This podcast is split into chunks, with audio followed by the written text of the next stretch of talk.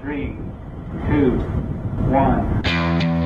When liftoff. One, two, three, four, five, five, four, three, two, one. Enter bed. Okay, we checked all four systems, and there you go on modulation, all four, and keying with a go. Quality base here. The Eagle has landed. En, to, tre. We're heading for Venus. Venus.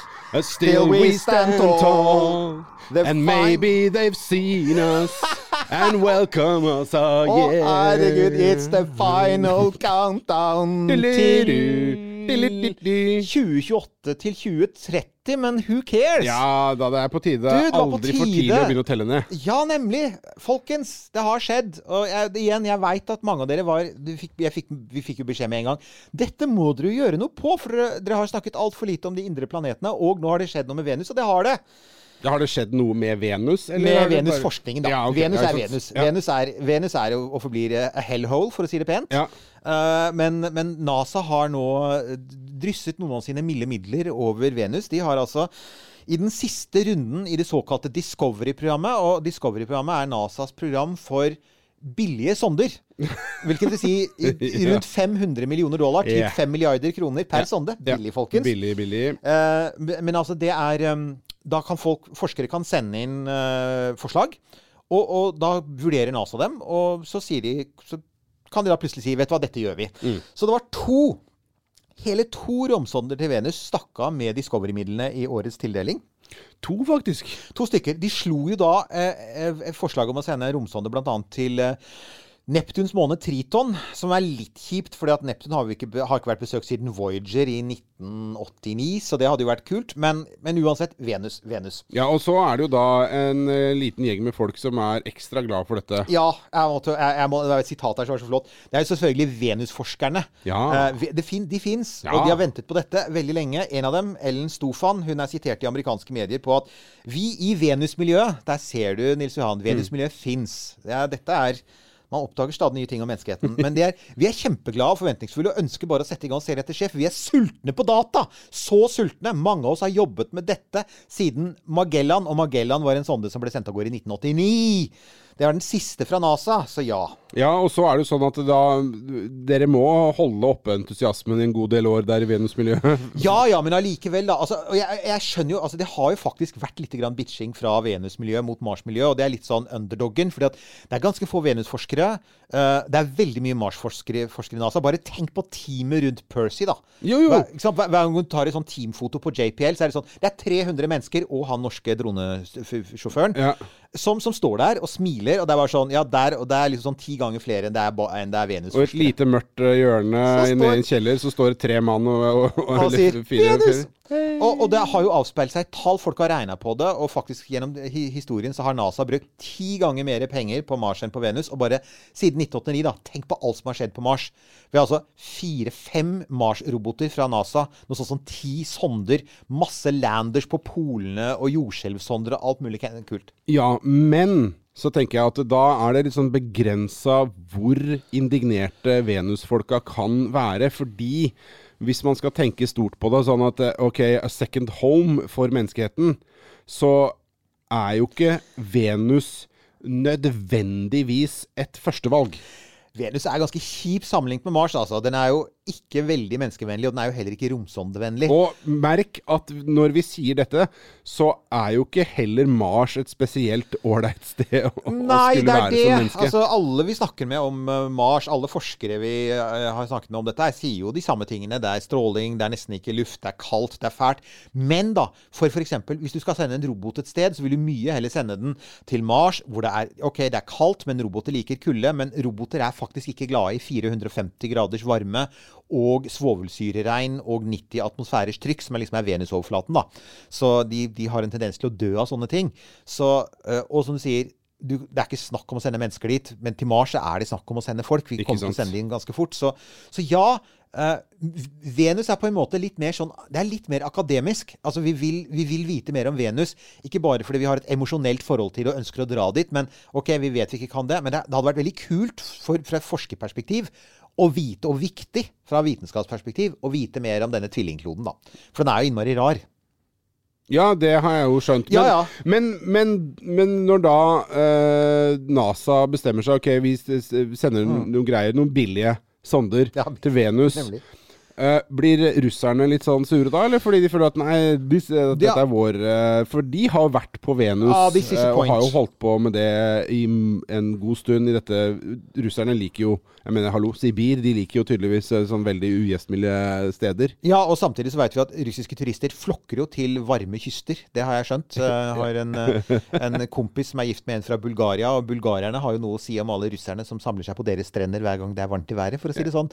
Så ja, de, de, det er helt riktig. Venus har jo da egentlig vært eh, Altså, Roskosmos, eh, Russlands NASA, og sjefen deres, eh, Rogozin, han, han har jo vært ute og sagt at nei, Venus er jo, er jo litt russisk. Men han sier at ok, amerikanerne har Mars. Russerne har aldri fått til Mars. Det har alltid vært mislykket. Venus har de lykkes godt med. De har sendt noe sånt som 16 Venera-sonder. Fire av dem har sendt bilder fra overflaten. Masse myklandinger. De har sendt ballonger gjennom atmosfæren. Men saken er at russerne har vel ikke egentlig hatt noe vellykket på Venus siden sovjettiden. Altså Nei, det begynner å bli en stund siden. Det begynner å bli en stund siden. De har et prosjekt som heter Venera D. eh, Som de har prata om nå i mange mange år. Og, og de har jo egentlig så har de vært i samtale med NASA og vel også ESA om å gjøre noe med å sende en, en sonde til Venus. Og da skulle de ikke bare sende en sonde inn i bane, sånn som man har gjort noen ganger med Venus. Man skulle sende en ny lander, og man skulle sende en sånn som kunne ta bilder og faktisk ikke bare overleve i 20 minutter før trykket og varmen knuste den, men den skulle faktisk overleve der en stund.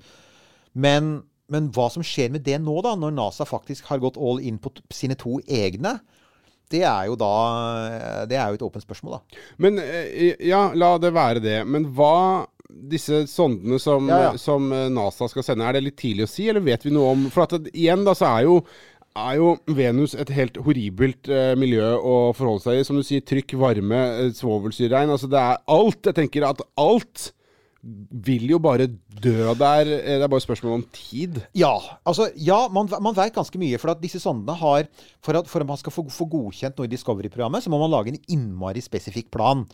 Eh, og dette minner jo veldig, for så vidt veldig om det som vår venn Svein Erik Hamran Og ja, vi kommer tilbake til han så snart det kommer ordentlig uh, publiserte resultater fra, fra Mars. Så skal vi ha Hamran tilbake for å snakke om rimfaks. Men han var jo veldig flink til å forklare akkurat dette med hvor, hvor, altså hvor presis du må være i forhold til NASA. Du kan ikke bare si jeg vil sende en radar til Mars. Nei, nei.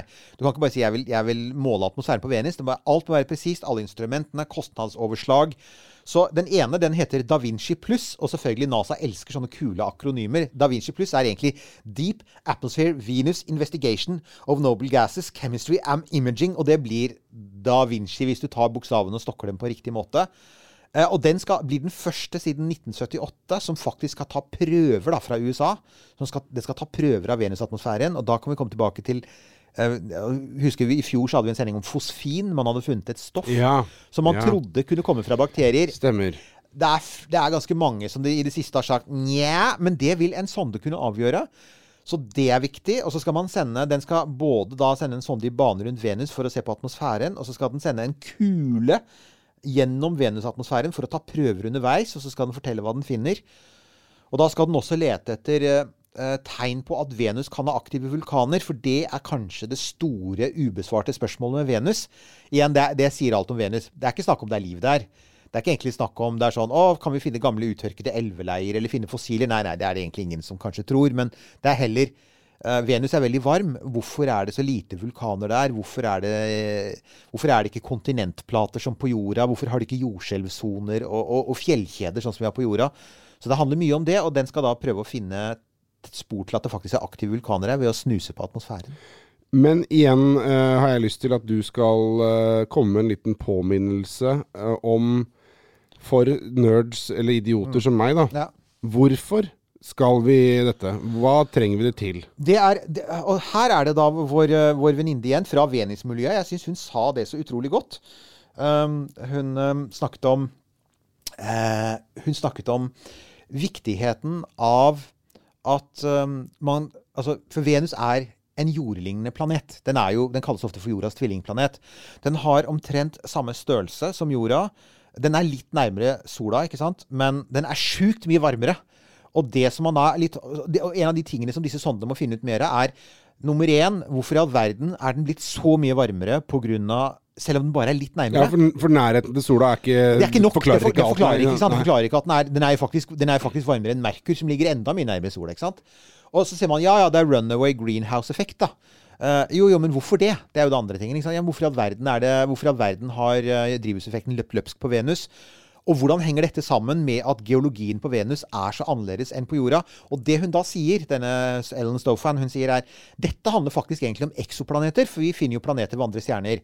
Og vi finner jo nå, vi har begynt å finne jordlignende planeter i i bane eh, rundt andre stjerner. Og når vi får opp Webb-teleskopet, som vi også har laget en sending om Det vet dere, så Vi snakker jo om alt dette, vi, folkens. Så når vi får opp det der superteleskopet Webb, så vil det finne enda flere slike planeter. Jeg har lyst til å si hvis jeg er med web. For Ja, at det er hvis, så for nå har det jo vært en liten utsettelse. Ja, og så er det og i det hele tatt. Ja, men vi, vi satser på at det går opp i høst. Og, og, og, ja, det er 50 trinn som må gå helt perfekt. Mhm. 50 utbrettingstrinn. Så hvis så vil man finne enda slike, flere slike planeter. Og det hun da sier, er da må vi faktisk vite hvorfor, hvorfor ender én planet opp med å bli et riktig behagelig sted, sånn som jorda. På en sommerdag som nå, så er jorda et deilig sted. Og hvorfor er en planet som bare er litt nærmere stjernen sin, et helvete? Så det er jo et innmari godt poeng, da. At det, bare, det, handler, det handler egentlig om en mye sånn Ja. Men så, ja, og, og, og så tenker jeg også da, i forbindelse med som du sier, runaway greenhouse effect, så, så vil de jo også kunne forklare en del om uh, det som skjer på vår egen planet. Uh, Det er akkurat det, og det er jo faktisk ganske mange Det er ganske mange miljøforskere da, som har vært opptatt av. I er- referanse tilbake til uh, Sveinung Rotevatn-episoden, hvor han sier at romforskning og romfart er viktig for miljøforskning. Altså, For å si det sånn, hvis dere har hørt Dette her blir vel episode nummer 74 eller 75 eller noe sånt nå. Hvis dere har hørt alle 75 episodene, så har dere fått a well-rounded space education, vil jeg påstå. Vi er i ferd med å drive ja, ja. Men du har helt rett. Det har det. Alt henger litt sammen med alt her. Og, for, altså, og, og igjen, jeg, altså, geologi er ikke verdens mest sexy fag. Men det har vært en veldig sånn Det er veldig store forskjeller på Mars og på jorda og på Venus. Og hvis du da liksom tegner opp sånne kart da, over hele planeten, og du stripper vekk atmosfæren og bare ser på kartet En ting du ser veldig tydelig på Mars, f.eks., er at ja, hele den nordlige halvkulen på Mars er en fordypning som en gang var et hav. Det er jo derfor Percy har landet der, for det er en gammel havbunn.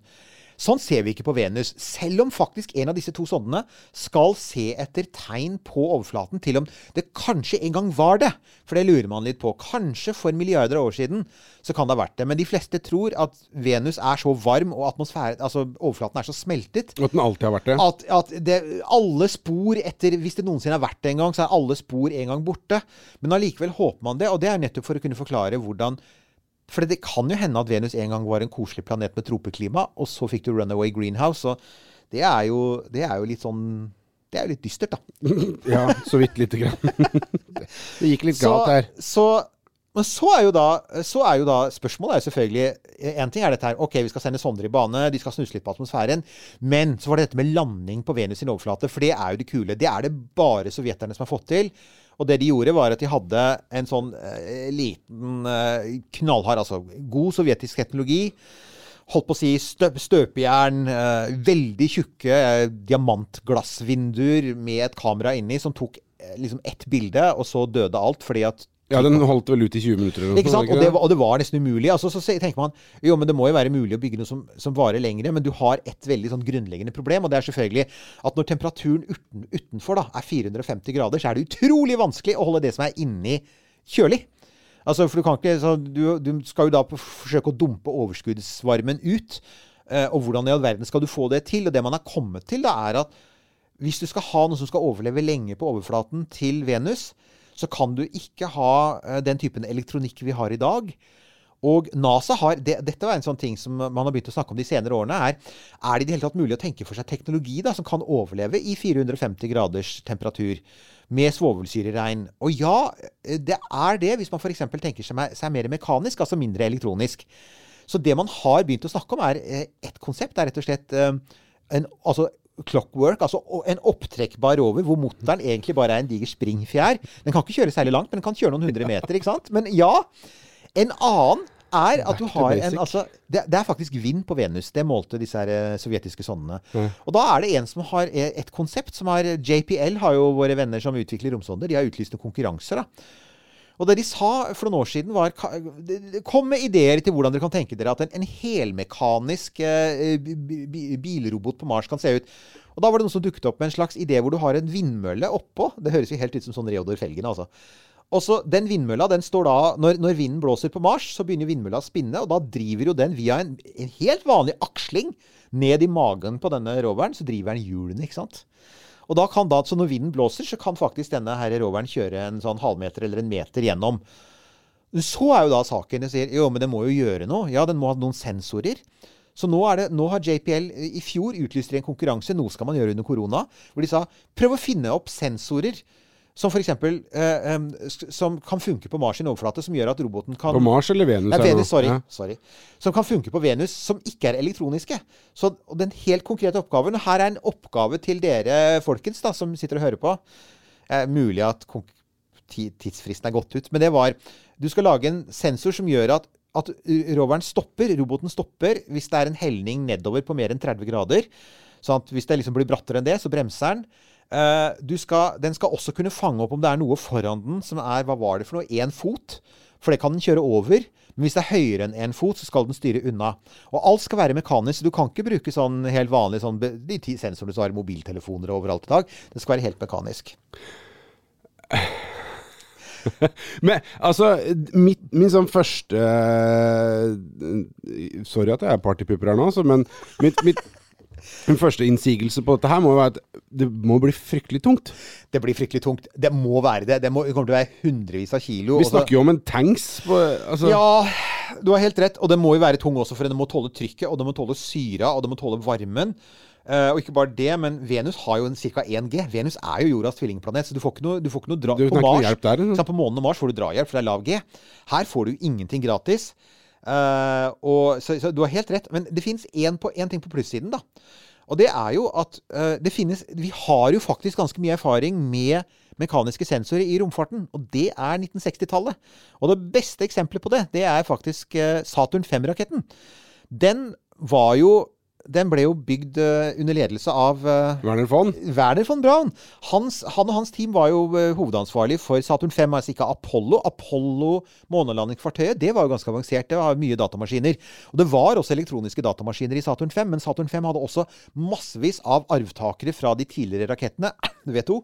Eh, og der var det jo Der var alt mekanisk. sånn at hvis du f.eks. Når, en, en, når en rakett begynte å tilte, så re responderte den mekanisk. Og hvis du skulle se hvor mye brennstoff som var igjen, så var det faktisk Det en flottør som det var nærmest flottører, ikke sant? Så de, har- de har faktisk Så jeg har jo en, bok hjemme, den, en sånn reparasjonsguide til Saturn 5, som er en av de beste bøkene i, i bokhylla mi. Og Hver gang man, så, hver gang man lurer litt på liksom er mennesker i stand til å løse et problem, så tar man fram dem. sier man himmel og hav hva de gjorde med 50-tallsteknologi, som det jo var, for å sende folk til månen.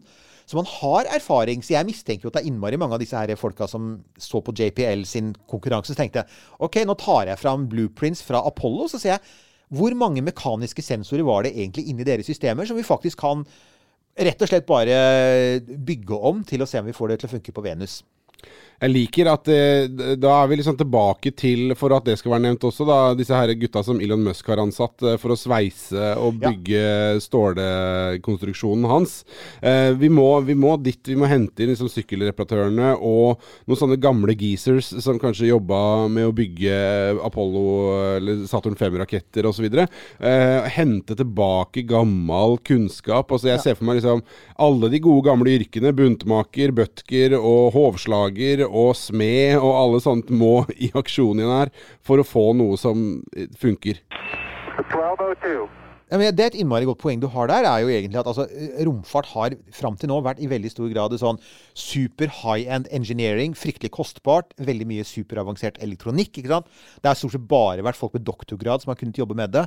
Men når romfarten normaliseres, når vi liksom vi, hvis vi virkelig skal ta hele, hvis vi skal ta rommet i bruk, da, for å være litt sånn i sånn Senterparti-modus her og si vi skal, ta, vi, skal ta, vi skal ikke si ja, vi går ikke dit for at ikke vi kan det. Nei, vi drar dit, men vi må da lære oss å bruke det. Da kan jeg si at ja, men da må vi ha marinteknologi, for det er masse kloder her ute som har undersjøiske hav. Vi må kunne bygge ubåter, vi må kunne tåle høyt trykk, vi må kunne bygge flygende ting som ikke er små droner. Vi må kunne bygge svære luftskip. Og, og faktisk, når det gjelder Venus, så er det jo Noen har jo sagt jo, altså, for å være en sånn siste ord om den derre rare den der saken med vindmøller på ryggen som kjører rundt med en Werner von Brann-sensor i nesa, da.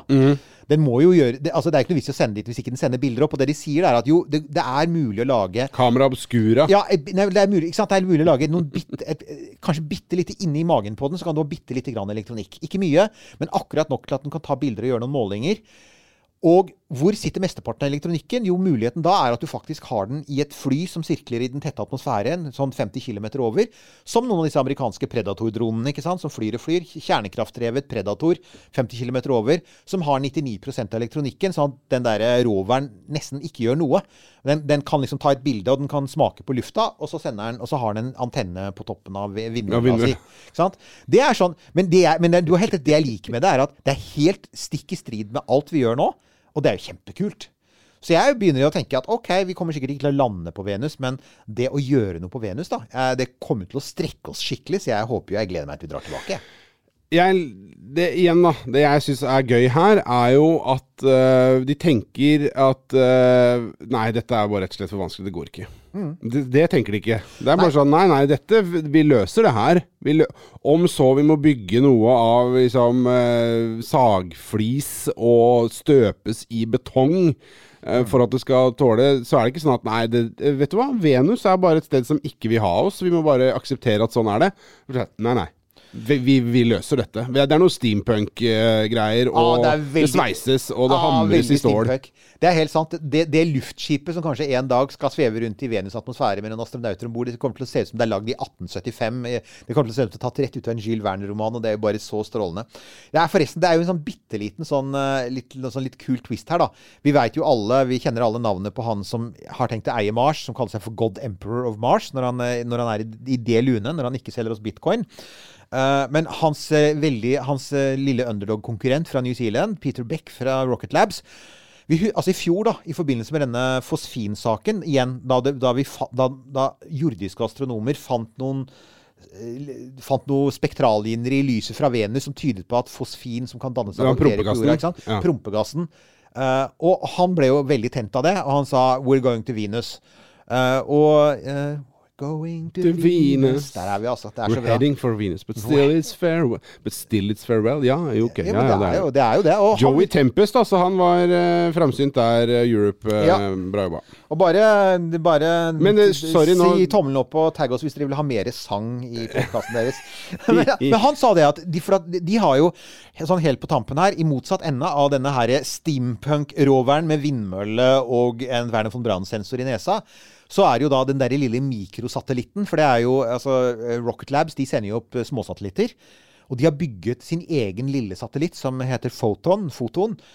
Og den har de først tenkt å sende til månen, og så har de tenkt å sende den til Venus. Og derfor så er det mye som tyder på at uh, hvis de lykkes, da, hvis Peter Beck får vilja si og pengene sine og får noen private investorer med på det, for han sier han har ikke tenkt å be NASA om dette, dette skal gjøres mye billigere enn Discovery-programmet, så vil han sende en sånn liten minisatellitt til Mars, nei, til Venus. Ja, vi, har snakket så mye om Mars her at jeg kommer ikke ut av det. Vet du hva? Venus-miljøet har rett. Vi er, Ja. blitt, dette er, vi er indoktrinert gjennom mange år. Mars-folk, ass. Det var Mars-folka, altså. Jeg, jeg er så enig med Venus-miljøet. Trenger nå ja, ja, vi i Venus-miljøet. Vi i Venus-miljøet. Jeg be- begynner liksom å identifisere meg med dem. Han vil gjerne sende en sånn fotoen dit, og det han snakket om, er jo tidsrommet 2023 til 2024. For det kan vi jo si. Venus er ganske nær. Ja. Så, så det takker Hvor lang tid tar det å komme seg til altså Venus? Venus kan du komme til på godt under altså hvis, du, hvis det er riktig konfigurert, da, Ja. så, så at planetene står riktig i forhold til hverandre, så kan du komme dit i løpet av liksom sånn størrelsesorden halvår til åtte måneder. Oh, ja, ja. Saken er at du, du må fremdeles, selv om Venus er nærmere sola Det, er faktisk, det krever faktisk mer energi å sende en romsonde til Venus enn til Mars, rett og slett fordi at du må Altså, forskjellen i fart er større. Jorda flyr så mye fortere enn Venus at du, du må bremse ned mer, da. Ja. Så raketten må peke i motsatt retning, og det må burne litt mer energi enn når du må til Mars. Men ja, det er, du kommer deg til Venus. Ja. Og du kommer deg ganske fort. Sånn at Fordelen er at du kan bruke solceller. Eh, solceller er selvfølgelig helt optimalt. 140% effektive. 140 ikke sant? Det er supereffektive, så det er, det, det er solar all the way. Og det er selvfølgelig der vi bør være hvis vi skal drive med solenergi. Uh, men uh, ulempen er selvfølgelig at når du er under skylaget, så kan du for det første ikke bruke solceller fordi det er så lite lys. Og det andre er selvfølgelig temperaturen. De solcellene, elektronikken, vil jo bare smelte. Det var faktisk Det er helt sånn Det var faktisk noen som Du!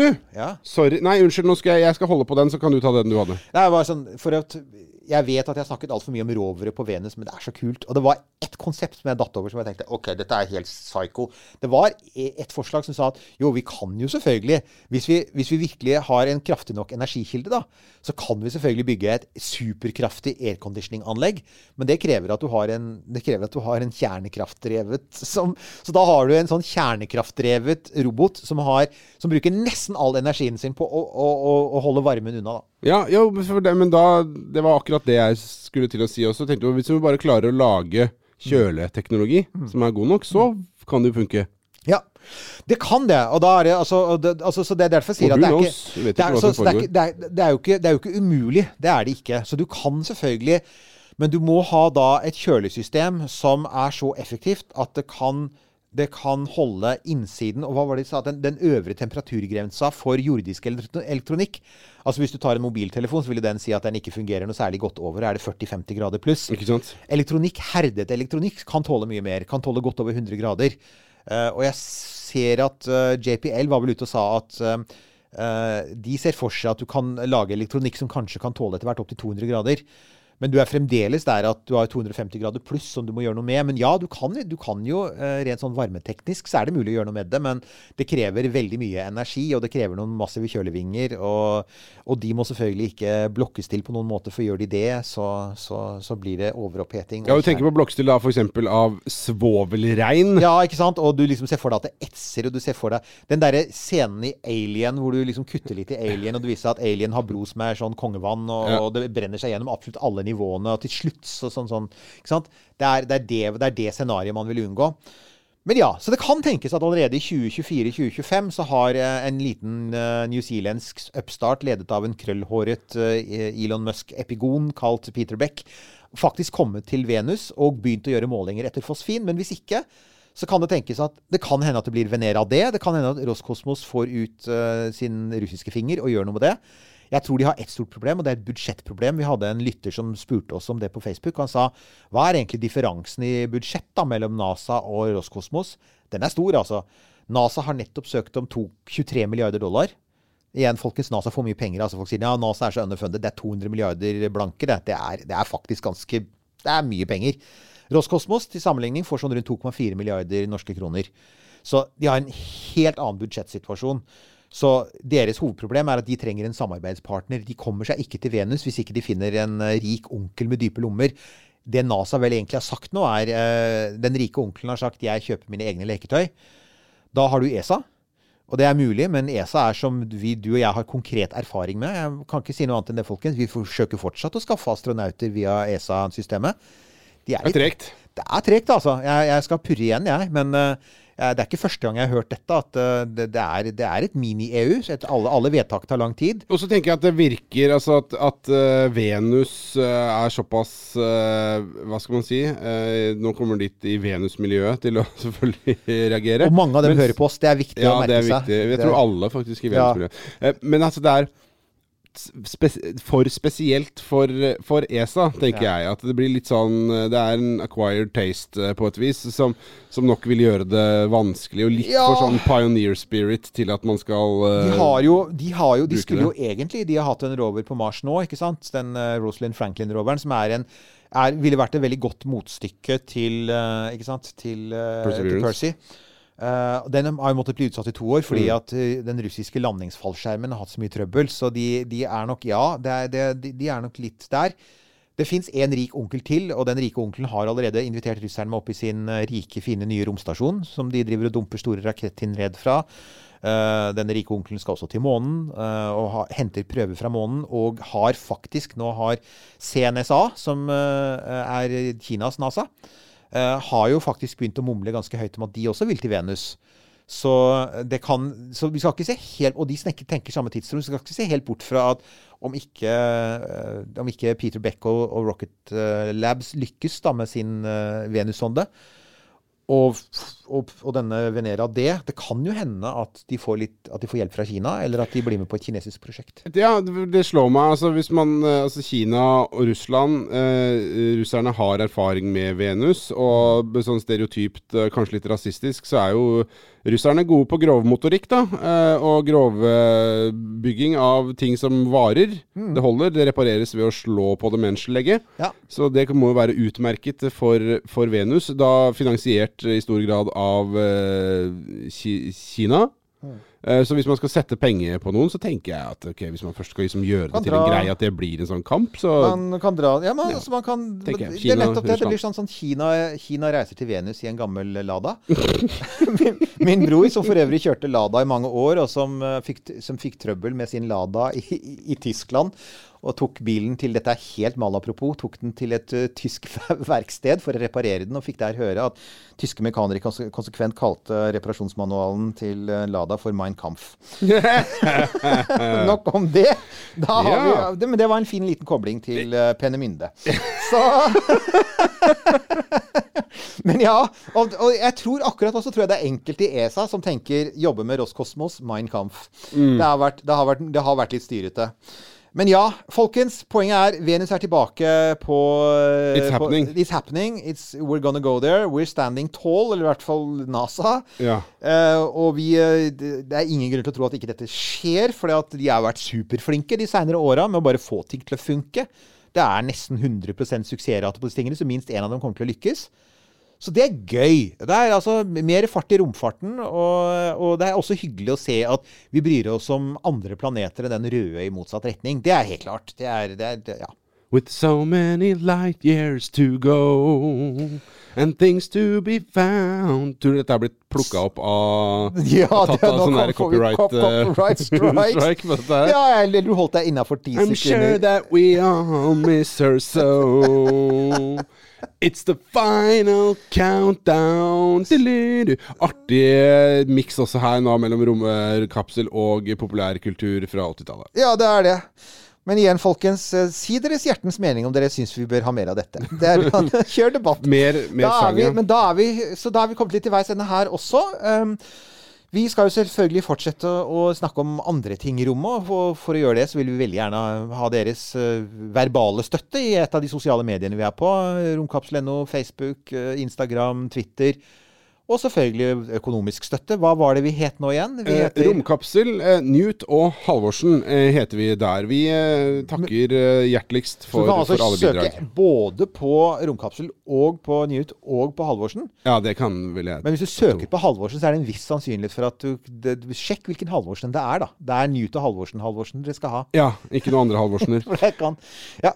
Eh, uh, uh, jo, det jeg også skal si, Mm. er at eh, nå begynner det å lakke veldig mot eh, sommeren Ja, her. Eh, og da kommer vi til, eh, hvis dere er kjapt ute da, når dette sendes, kjapt ute med å stille spørsmål om et eller annet. Det kan være Venus-relatert, eller trenger ikke det i det hele tatt. Det kan være hva som helst.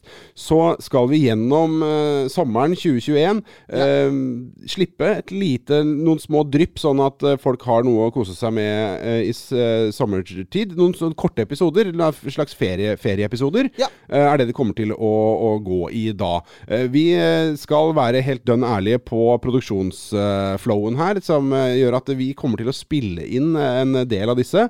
Og så legge de opp eh, sånn at du får et lite drypp eh, til vanlig tid hver mandag, Ja. men litt sånn kortere episoder. Og da er det dere, og det, og det er også som en sånn liten takk til dere, for at det skal vi ikke glemme. Dere, dere lyttere har vært utrolig viktige i vår sending. Det er, det er jo ikke en eneste sending omtrent som ikke, hvor ikke det har vært noe innspill fra dere. altså F.eks. denne Venus-sendinga. Det var jo igjen Vi ville jo gjort det uansett, men, men bevares. Det kommer jo inn med en gang. Altså, har dere sett dette?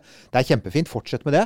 Og vi kommer også til å legge ut den oppfordringen på, på Facebook. så da det, det er, Men send på mail, eh, Twitter eller Insta, så kan dere også legge inn spørsmål. Og som sier, spørsmål om, eh, om romfart, eh, solsystemet, kule ting som dere har lurt på. Så skal vi gjerne prate litt om det. Og så en siste ting. og Det er, det er to potensielle hendelser som kan komme i løpet av Ja, sommeren, ja. som kan kullkaste litt på dette. Eller egentlig tre. Og Det ene er selvfølgelig, hvis det skulle vise seg at uh, våre venner i ESA får til uh, å fikse astronaut for oss, så hadde det vært innmari kult å slippe det eh, relativt raskt. Eh, hvis det skulle vise seg at han der fyren som skal til Mars, som ikke er interessert i Venus, faktisk klarer å bygge den der crazy kjemperaketten sin nede i Boca Chica og får den første ferden til bane, så er det mulig vi prøver oss på en sånn litt spontan live. Og da blir det vel en episode av det. Og det tredje, det er jo at våre venner i Nei, ikke våre venner. USAs kongress. Det holder lenge å si det. USAs kongress, de er ingens venner akkurat nå. Men de skal jo faktisk i løpet av noen um, Altså, de skal innen utgangen av juni 2021 så skal de ta opp en ting. Eh, det er noe som, det var noe av det siste Trump gjorde før han eh, gjorde, prøvde å gjøre statskupp og så forsvant. Det var jo å hekte på en koronastimuluspakke. Et krav til det amerikanske forsvarsdepartementet om å lage en rapport om de ufo-observasjonene som flyvåpenet har gjort. Og den må, er de pålagt å slippe innen utgangen av juni 2021. Og den amerikanske aviser, når dette tas opp, så har amerikanske aviser begynt å mumle veldig høyt om at nå skjer det noe snart. Og da skal det legges fram en rapport i Kongressen. Mitt råtips det er at den kommer til å ligne på alle tidligere lignende rapporter, som er her ser vi noen rare flekker på himmelen, men vi vet ikke hva det er. ikke sant? Eh, eh, vær så god, folkens, kjør debatt. ikke sant? Gjør hva dere vil. Eh, vi, vi, vi toer våre hender, vi vet ikke hva det er. Men så er det da disse ryktene som vi snakket om i fjor, for vi hadde en sending med våre venner i Konspirasjonspodden, Bjørn Henning. Og det var jo at det var noe mer, husker du det? Vi snakket om Ja, det. ja, ja, ja. Det, var liksom, ja, det, var, det var tunge hint fra kjente amerikanske politikere om at nei, vi har sett og hørt noe mer, og, og det er vist fram materiale, altså fysisk materiale, alien hardware. Og da tenker jeg, ok, hvis rapporten sier noe sånt nå, er, det er mer kjøtt på beina, så er det mulig vi lager en kjapp sending på det. For at det, er, det, er, det, det kommer til å være en, en snakkis i sommer. Men jeg tipper at ikke det kommer til å skje. Det er mitt råtips. Det, er, det hadde vært superkult om jeg tok feil. er Altså, er det er om, om, om liksom forsvarsministeren i USA kommer og sier «Ah, Mine damer og herrer, vi har Her, her er han, og så har vi alien, ikke sant? Ja. Det hadde vært kult. er du gæren, selvfølgelig. But don't hold your breath, people. Det var egentlig det jeg ville si. Ok, men uh, vi sier det sånn. Uh, veldig hyggelig at du har hørt på. Eh, Takk for nå.